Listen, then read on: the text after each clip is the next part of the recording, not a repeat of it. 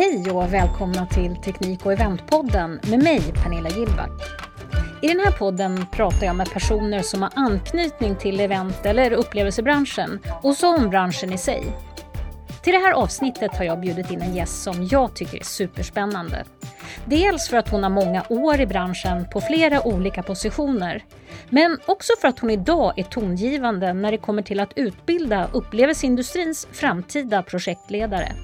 Och så har hon skrivit boken Projektledning helt enkelt. Och du, häng med till slutet av programmet för det kommer bli tre matnyttiga tips som du kan ta med dig när du går in i en projektledarroll. Eh, men nu ska inte jag tjafsa mer utan nu låter jag henne presentera sig själv. Det ska jag göra. Eh, jag heter Agneta Josefsson och jag eh, undervisar idag mer eller mindre på heltid på, idag är jag på tre olika skolor i Stockholm. Eh, på eh, Stockholms School of Business, Medieinstitutet och främst på eh, Travel Education Center. Så det är det jag undervisar i projektledning och även i ledarskap och självledarskap och lite organisation och lite allt möjligt. Rekrytering pratar jag om också. Just det här med projektledning, hur, hur, liksom, hur, hur har du kommit till den platsen där du är idag? Ja, eh, den sanna historien är väl på ett bananskal.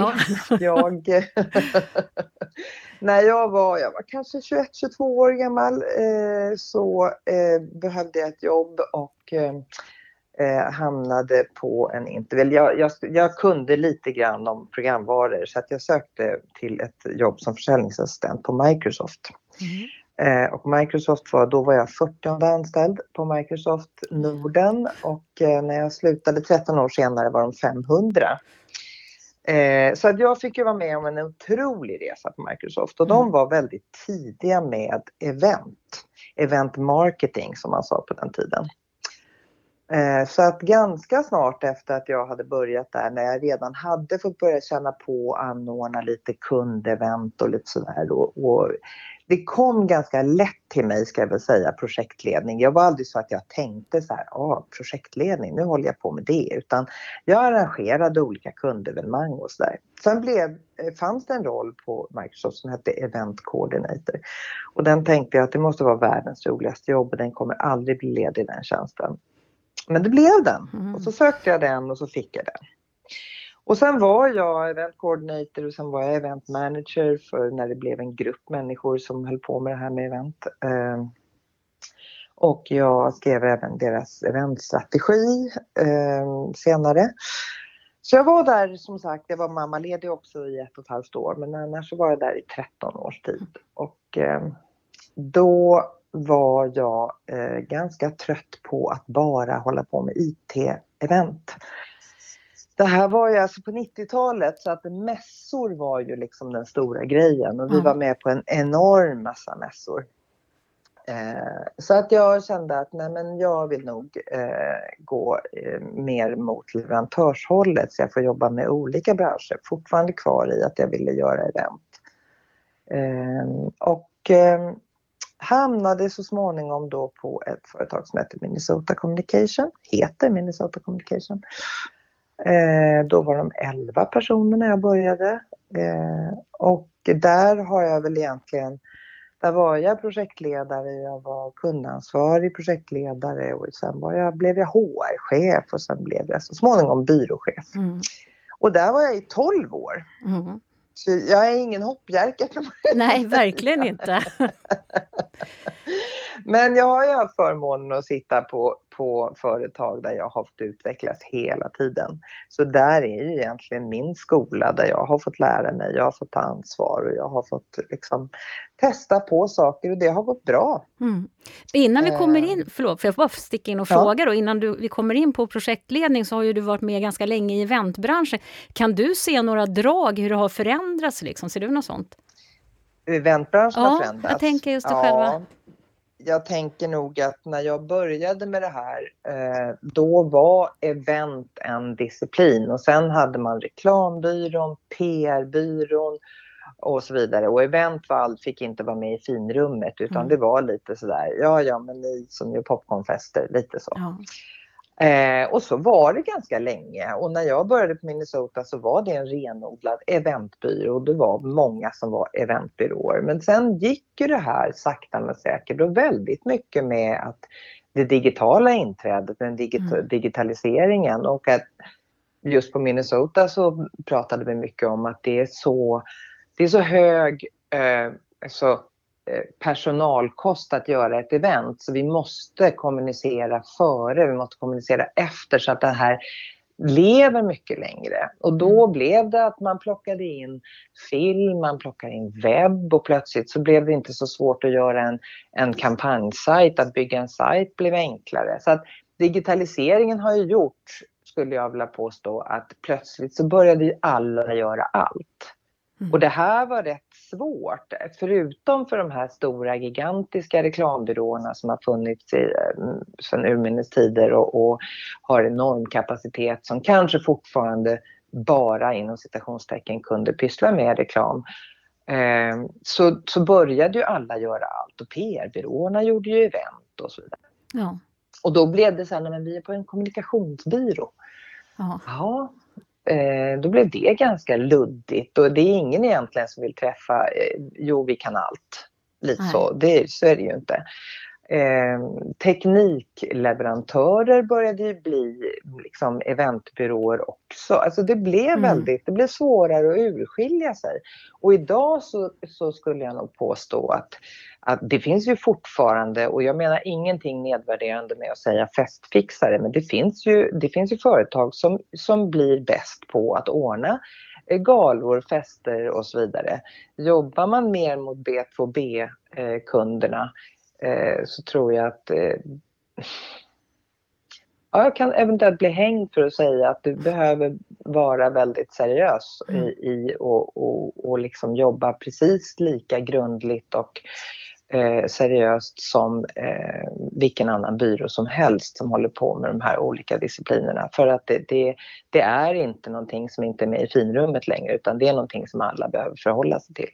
Ja, och där kommer man kanske in då lite på projektledning i de här i mm. eventbranschen.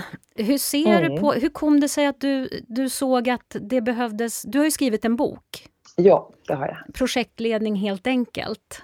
Mm. Eh, hur kom det sig att du kände att det behövdes en bok här? Ja, men jag hade slutat Minnesota och då eh, var jag inne ett år som insamlingsansvarig på en, en välgörenhetsstiftelse. Och de gör en gala varje år så att vi eh, hade kontakt med en utbildning, musik och eventarrangörsutbildningen i Nyköping och där skulle vi, eh, de skulle få som ett projekt att eh, jobba med den här galan. Mm. Så att vi var där och hade en dragning om den här galan, jag och, och generalsekreteraren. Och då blev det så att han, beskrev, han berättade väldigt mycket om stiftelsen och jag berättade sen om galan och då fick jag lite feeling och började prata dramaturgikurvor och annat jox. Så att eh, efter det så fick jag frågan om jag ville hålla i projektledarkursen för de behövde en lärare. Mm. Och då tänkte jag hur svårt kan det vara tänkte jag eh, och sa ja. Skulle ha 12 eller 14 veckors ja. utbildning. Mm. Det, det var ju lite ja. knepigare än vad jag hade trott kanske. Så mm. att, eh, och då skulle jag ha en lärobok och började titta överallt efter läroböcker. Och det finns ju massor av böcker om projektledning, men väldigt ofta så är det eh, inom IT, inom bygg alltså, och väldigt komplexa projekt. Och ett event kan absolut vara komplext, men men jag märkte, jag valde till slut en bok som jag tyckte att jag kunde relatera till. Men jag hade ju jobbat med projektledning i, inte vet jag hur mycket det var då, 25-30 år. Eh, jag är ju 57 år idag, så jag har ju hållit på med det här en stund. Mina studerande kunde inte alls relatera till den här boken. Så jag skrev orimligt mycket efterlämningsmaterial till dem. Mm. Och sen så sa jag väl lite slarvigt någon dag att jag får väl skriva en egen bok. Och då fick jag till mig efteråt av den här klassen, skriv en bok Agneta. Mm. Ja, jo absolut, men det har jag inte tid med. Klipp till att sen kom pandemin. Mm. Och där satt jag på landet, för vi flyttade ut till skärgården när pandemin kom. Eh, och så ringer en eh, tjej som jag har jobbat med. Jag jobbade med henne på Microsoft som leverantör och hon ringer. Vi har inte haft kontakt på jättelänge och säger vad gör du? Nej, men jag vet inte, så jag hade inte så mycket ju. Nej, hon var ju frilansare, hade inte heller något jobb. Och då sa jag till henne, vill du skriva en bok med mig? Mm. Ja, sa hon, det vill jag. Så att då blev det så att jag skrev och hon var väl vad jag ska kalla det för redaktör. Mm. Eh, en oerhört bra sådan och också att vi hade vandrat som bollplank. Mm. Det var mycket, mycket jobbigare att skriva en bok än vad ja, jag trodde. Eh, och alla sa till mig att när du tror att du är klar då har du några månader till. Ja, ja, så. Ja. Så bra som vi korrläser och annat. Mm. Men så var det ju. Men vi hade ju faktiskt, alltså, ja, det var samtidigt väldigt roligt och, och vi kunde ju också lägga all vår tid eh, på det. Jag skrev så mycket så jag fick tennisarmbågen. Ja, kan det vara värt eh, kanske?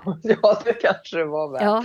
ja, men det kändes ju jättebra ja. när jag hade den klar och sen har jag ju använt den i, eller använder den i mina utbildningar, i mina kurser.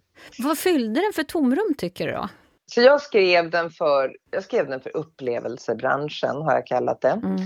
Och eh, jag tror att tomrummet är nog att den är helt enkelt. Det är ingen bok där du blir en fullärd projektledare. Den ska smyckas med föreläsningar och, och tillägg och, och, så vidare. Eh, sen är det många som tycker om att ha den som just en handbok. Den är väldigt lättläst. Mm. Eh, den är skriven ja, de som känner mig och läser den säger att ja, men jag hör din röst. För mm. den är skriven väldigt mycket som jag pratar, eh, tror jag. Mm. Um, och jag har försökt att göra det så enkelt och tydligt som möjligt. För projektledning är inte rocket science. Det är väldigt mycket sunt förnuft. Uh, och det handlar inte... Där du hamnar så kommer det inte se exakt likadant ut. Därför är det så viktigt att du som projektledare vet vilken alltså, vilka steg behövs? Vad är det som krävs? Sen kan jag anpassa mig efter kunder, efter det företag jag är på eller om jag är frilansare, hur vill jag jobba? Det viktiga är att jag vet hur jag ska jobba och vad jag behöver. Och det här tyckte jag blev, det blev för snärjigt i olika modeller och, och det blev för komplicerat helt enkelt, tyckte jag. Hur säger man då? Vad är det man behöver kunna som projektledare? Man behöver kunna de olika faserna i ett projekt men framförallt vad som behöver göras i de olika faserna. Och det är väldigt lätt att hamna direkt i att ja, men man måste vara duktig på planering och ha mycket Excel-filer och, och, mm, just planeringen, planeringen. Men innan du sätter igång med planeringen, och det här pratar jag väldigt mycket om, mm. då måste du ha på fötterna vad är det du ska göra. För att bli Eh, så lönsam och effektiv så behöver man ta reda på allting. För det är inte alltid så att kunden har valt det bästa för dem. Alltså de, en kund kanske tror att ja, men jag tror att vi ska vara med på en mässa. Ja, och sen när vi gör vår research, och vi ska ju vara specialister på det här, då kanske vi kommer fram till att jag tycker att det är bättre, du kommer nå din målgrupp bättre om du eh, hyr ett ställe på Kungsträdgården under eh, restaurangdagarna för då kommer du nå din mål. Alltså ett exempel. Mm. Det kan finnas massa sådana olika exempel. Men kunden kan också absolut veta exakt vad de vill ha men då ska vi ta reda på så mycket som möjligt runt det, om kunden naturligtvis, om kundens bransch, om kundens målgrupp. Vi ska veta det för att kunna vara så relevanta som möjligt i våra lösningar. Kan man säga någonting? Vad skiljer en god och en, en sämre projektledare? Eller vad skiljer en god från en sämre projektledare? Ja, jag skulle säga att en, en, en liten sån här projektledarsjukdom är ju att ha, jag är ju kontrollfreak, hur många gånger har man hört den? Ganska ofta. Och då kan det ju vara svårt, och vilket många behöver öva sig på, att faktiskt eh, vara duktig på att ansvarsfördela. Att ge förtroende till medarbetarna, att se, vara väldigt tydlig med att du är med i det här projektet på grund av det här, på din kompetens i det här och det här vill jag att du ansvarar för. Och att som projektledare ha det här helikopterperspektivet för att min uppgift som projektledare är ju att driva projektet framåt, inte att vara med nere i varenda liten detalj. Och också att ha en löpande kontakt med beställaren, uppdragsgivaren. Eh, det skulle jag säga att skapa det engagemanget för projektgrupp. Det är väldigt mycket ledarskap. Jag tycker att det pratas lite för lite om ledarskap när man pratar projektledning. Det pratas väldigt mycket planeringen och stegen mm. framåt och vilka modeller, men det handlar jättemycket om ledarskap. Ehm, mindre bra projektledning är just när du går ner och kör med micromanagement och du är otydlig i din ansvarsfördelning. Din projektgrupp vet inte riktigt om du ska göra det eller om de ska göra det och, och vad är din roll egentligen och, och vad gör du och inte. Så dålig struktur, dålig dokumentation. Det är ju jätte, den här arbetsprocessen som jag pratar om som innebär ett antal alltså avstämningar, dokumentationer, hur, hur vi går tillväga för att få det absolut mest effektiva och lönsamma projektet. För det handlar ju om det till syvende och sist faktiskt. Att det ska vara lönsamt och eh, det ska tjäna kunden någonting. Och då eh, då är de här sakerna superviktiga. Skapar du ett engagemang, då kommer din projektgrupp att känna ett ägarskap. De kommer vilja göra väldigt bra och det är projektledarens roll tycker jag. För det här låter ju verkligen som du pratar om, men det skulle kunna vara en chef också eller en, en ledare på, ett, på en arbetsplats. Ja, jag brukar säga att det, det projektledning är det chefslösa ledarskapet. Eh, det vill säga, vi behöver inte prata eh, semesterersättningar, löneförhandlingar, Nej. sjukskrivningar. Vi behöver bara leda ett väldigt väl avgränsat projekt med en väl avgränsad organisation och det är så lyxigt. Låter faktiskt superlyxigt. Ja, det ja. är det. Ja. Men du pratar ju också om det här med lönsamhet. Mm. På vilket ja. sätt kan liksom en projektledare avgöra hur lönsamt ett projekt blir? Eller, eller förstår du? Ja, men jag skulle säga att, att eh, det som är med projektledning, varför jag brinner så för projektledning, det är ju just för att om, om jag tar exemplet, vilket jag brukar göra eh, när jag undervisar, att du har ett företag och det företaget har en budget som de ska hålla över året och så finns det en ledningsgrupp och den ledningsgruppen ska eh, kommunicera till sina mannar. Vad ska vi använda de här pengarna till? Säljarna ska dra in pengarna, marknads, marknadsavdelningen, de gör av med massa pengar för marknadsföring och så vidare och så vidare. De här personerna i ledningsgruppen de kommunicerar garanterat, om de är fem stycken så kommunicerar de på fem olika sätt. Mm. Så att få den här massan av människor som sen ska springa framåt mot ett långsiktigt strategiskt mål. Det är ganska svårt att uppmana dem att eh, äga en budget, att skapa, förstå ett engagemang. Man måste vara oerhört duktig som företagsledare och också kunna leda den här ledningsgruppen så att det här blir så bra som möjligt. Om man istället från ledningsgruppen skulle säga okej, okay, vi vill hit om två år. Vad behöver vi göra för att nå hit? Vi behöver ta ett antal projekt i hand som tar oss framåt mot det långsiktiga målet. Och där tillsätter en projektledare, en projektbudget och en projektorganisation. Mm. Då kommer de människorna lyckas bli mycket mer engagerade effektiva för att de känner det här ägarskapet och lönsamma för att de vill hålla i budgeten. De vill, då blir det liksom lite, så jag tror inte alla men människan lite till mans är lite tävlingsinriktad. Vi vill göra bättre och de håller på med det projektet. Ja men vi ska nog minsann lyckas bäst med det här projektet. Vi lär oss mycket mer. När vi lär oss så blir vi också mer engagerade. Så att att, att bli lönsamma handlar ju många gånger om att det inte spills pengar. Mm. Har vi en budget från en kund så tycker jag ju att vi ska alltid hålla den men till och med kanske vi kan göra lite bättre eh, och spara pengar åt kunden. Mm. Tror du alla fattar hur viktig pro projektledarrollen är? Nej, det tror jag inte. Hur, det tror jag inte. Nej, varför är det så då? Men för att jag tror att det är väldigt många, eh, och framför allt kanske när du inte sitter på en byrå utan du sitter på ett företag som projektledare, så är det eh, ändå chefen som har det slutgiltiga beslutet eller chefen vill ha någonting gjort, den utsedda chefen pratar jag då om, försäljningschefen eller marknadschefen, vill ha någonting gjort och då säger man du är projektledare. Men du kanske egentligen inte har mandat och då blir projektledaren den här planeringspersonen. Ja. Som har ordning och reda och, och gör listor och ser till att saker och ting görs. Men det är ju eh, inte kanske att utnyttja den personen på bästa sätt. Nej. Kan jag tycka. Precis, men jag tänker så här, i upplevelsebranschen ser det lite annorlunda ut där tror du än, än till exempel inom ett IT-företag?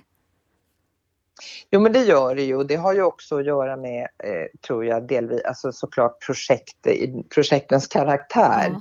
Eh, man pratar om, om eh, den traditionella mekanistiska projektledningen och den agila projektledningen. Jag har aldrig någonsin kunnat jobba annat än agilt redan innan jag visste att det fanns något som hette agil projektledning. Eh, vi skulle inte kunna lägga en plan i ett projekt och säga nu håller vi oss till den här och om tre månader ska vi vara klara. Boink. Som du kanske kan göra i annan, i större större branscher, alltså tillverkningsbranschen till exempel. Du kan ju inte hålla på med så mycket agil projektledning när du bygger en bil. För Nej. du kan projektleda ett kärnkraftverkbygge. Projektledning är ju, går ju att tillämpa på det mesta. Men det skiljer sig naturligtvis åt. Vi behöver vara väldigt agila. Eh, och jag tror och när du att... säger agila för de som inte vet? Ja, alltså anpassningsbara. Mm. Vi lägger såklart en plan men när förutsättningarna förändras så är vi beredda att förändra dem. Och vi kan det för att vi har den arbetsprocessen att hålla oss till. Om man vet vart man ska då är det inte så svårt att göra en avstickare till höger eller vänster. Men om man inte har den planen lagd då är det svårare. Mm. När man pratar agil projektledning vill jag bara säga att det är oftast, eller lite vanligt att säga att nej, men då har man ingen plan. Det är fel. Ja. Man har såklart en plan. Precis. Men man är beredd att anpassa den. Jag tänkte en annars en grej inom, inom upplevelseindustrin där, där det liksom inte går att anpassa som man kan göra inom många andra branscher, tänker jag, det är det här med deadline. För det kan ju inte mm. vara så här, ibland, alltså, då ska vi ha färdigt projektet men om man ska lansera någonting, till exempel släppa en ny bil, den kan ju bli försenad med två år. Absolut. Men jag menar ett event, det kan, nej vi blev inte riktigt... Där är det ju nej. lite speciellt med upplevelseindustrin. Det är ju datumet. Och det är väl kanske så att det är delvis därför vi älskar det. Ja. alltså det är ju en nerv som man, ja. Eh, som man någonstans älskar och som man kanske varje gång säger det här gör jag aldrig om och sen när det är slut så säger man gud det här gör vi nästa år igen. Oj oj oj vad häftigt det är klart att det är speciellt. Man kan, man, det, det, är speciellt att vara i upplevelsebranschen men jag tror att det är den nerven vi tycker om. Att det är en deadline. Nu pratar du dig så varm för den här branschen. Kan du längta tillbaka eller du är kanske? Eh, ja, jag kan längta tillbaka men jag vet idag att jag är inte riktigt rustad för den längre. Eh, så att jag, men jag kan, jag, när jag pratar om event, jag kan fortfarande stå när jag undervisar och berätta om event jag har gjort och, och nästan få tårar i ögonen eller få knotter över hela kroppen för att jag kommer ihåg alltså, hur häftigt det var. Jag har ju fått göra väldigt, väldigt eh, roliga projekt. Har du, Otroligt rolig. Har du något sådär, jag tänker just när det kommer till projektledning som blev speciellt som du kan berätta om något tillfälle? Ja, jag har ju många men eh... Hjälp vad mycket hon har gjort. Jag var lite lätt osäker på om hon kunde dra sig till minnes eller om hon skulle vilja välja ut något speciellt tillfälle under sina år i det hon kallar upplevelseindustrin. Men efter en kort fundering kom den här lilla anekdoten.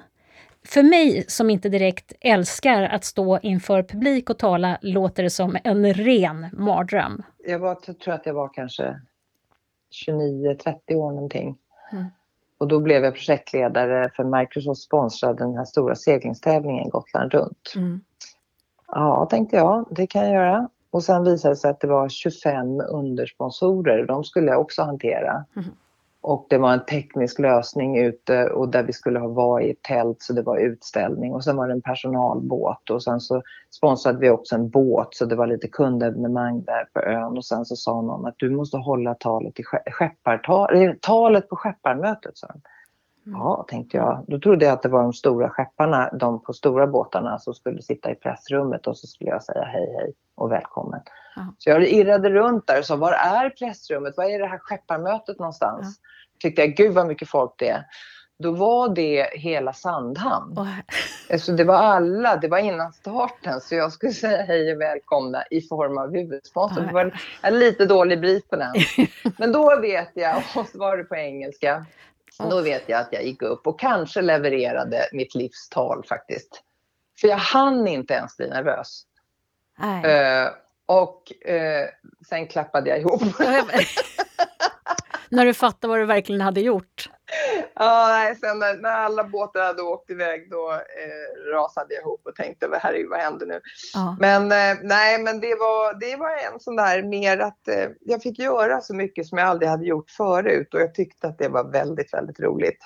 Ja. Och utvecklande såklart, men det var ju jobbigt och stressigt också. Men eh, jag har gjort många saker som jag tycker har varit väldigt, väldigt roliga. Men framför allt handlar det ju ofta om när det gäller upplevelsebranschen, människorna. Mm. Alltså varit, vet, na, människor på scenen som har varit fantastiska eller människorna man jobbar med. Det, det är ju ett otroligt samarbete när du kör live, inte minst med teknikbolagen eh, som oftast är liksom en nyckelspelare ju, för funkar inte tekniken så är, blir det aldrig bra. Eh, och man har samtidigt så himla kul. Mm. Det är ju så himla roligt. Mm. Nu blir det gottigt, för nu ska Agneta dela med sig av tre av sina bästa tips för den som går in i en projektledarroll. Ja, det vet, jag, jag har några punkter i varje punkt. Nej, men roller och ja. ansvar är väldigt, väldigt viktigt tycker jag. Att som projektledare vara tydlig med roller och ansvar i projektgruppen. Eh, annars blir det direkt trögflytande. Släpp aldrig uppdragsgivaren.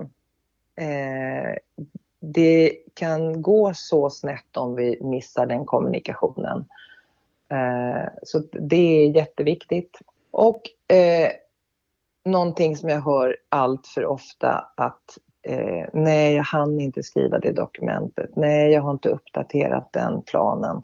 Alltså prioritera aldrig bort de här projektstyrningsdokumenten, projektverktygen. Det är kärt barn har många namn. Men, men vi ska skriva mötesrapporter, vi ska ha en produktionsplan, vi ska ha uppdaterade budgetar och projektplaner. Alltså, det kan kosta oss massor av pengar om vi ska fortsätta prata pengar om vi inte gör de här sakerna. Och det har jag verkligen exempel på eh, där jag ibland har varit så oerhört tacksam för att jag har ett dokument som kan visa på jo, vi pratar om det här och du godkände.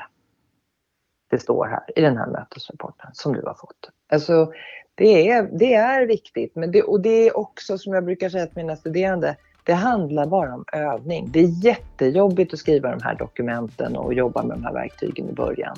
Men det är jobbigt att börja med allting nytt. Mm. När du har skrivit tio projektplaner då är det väldigt mycket enklare att skriva den elfte. Mm. För du kan. Mm. Vad bra. Ja. Tusen tack att du ville vara med. Jag är jätteglad. Tack för att jag fick vara med. Och tack för att du har lyssnat på det här avsnittet av Teknik och eventpodden. Har du några frågor kan du väl mejla mig på pernilla.gillback.com och Gillback stavar jag med G. Eh, Teknik och eventpodden sponsras av Primetech Sweden AB och produceras av Popmedia. Och musiken till podden har Kalle Tunnell gjort. Hoppas vi hörs snart igen. Hej då!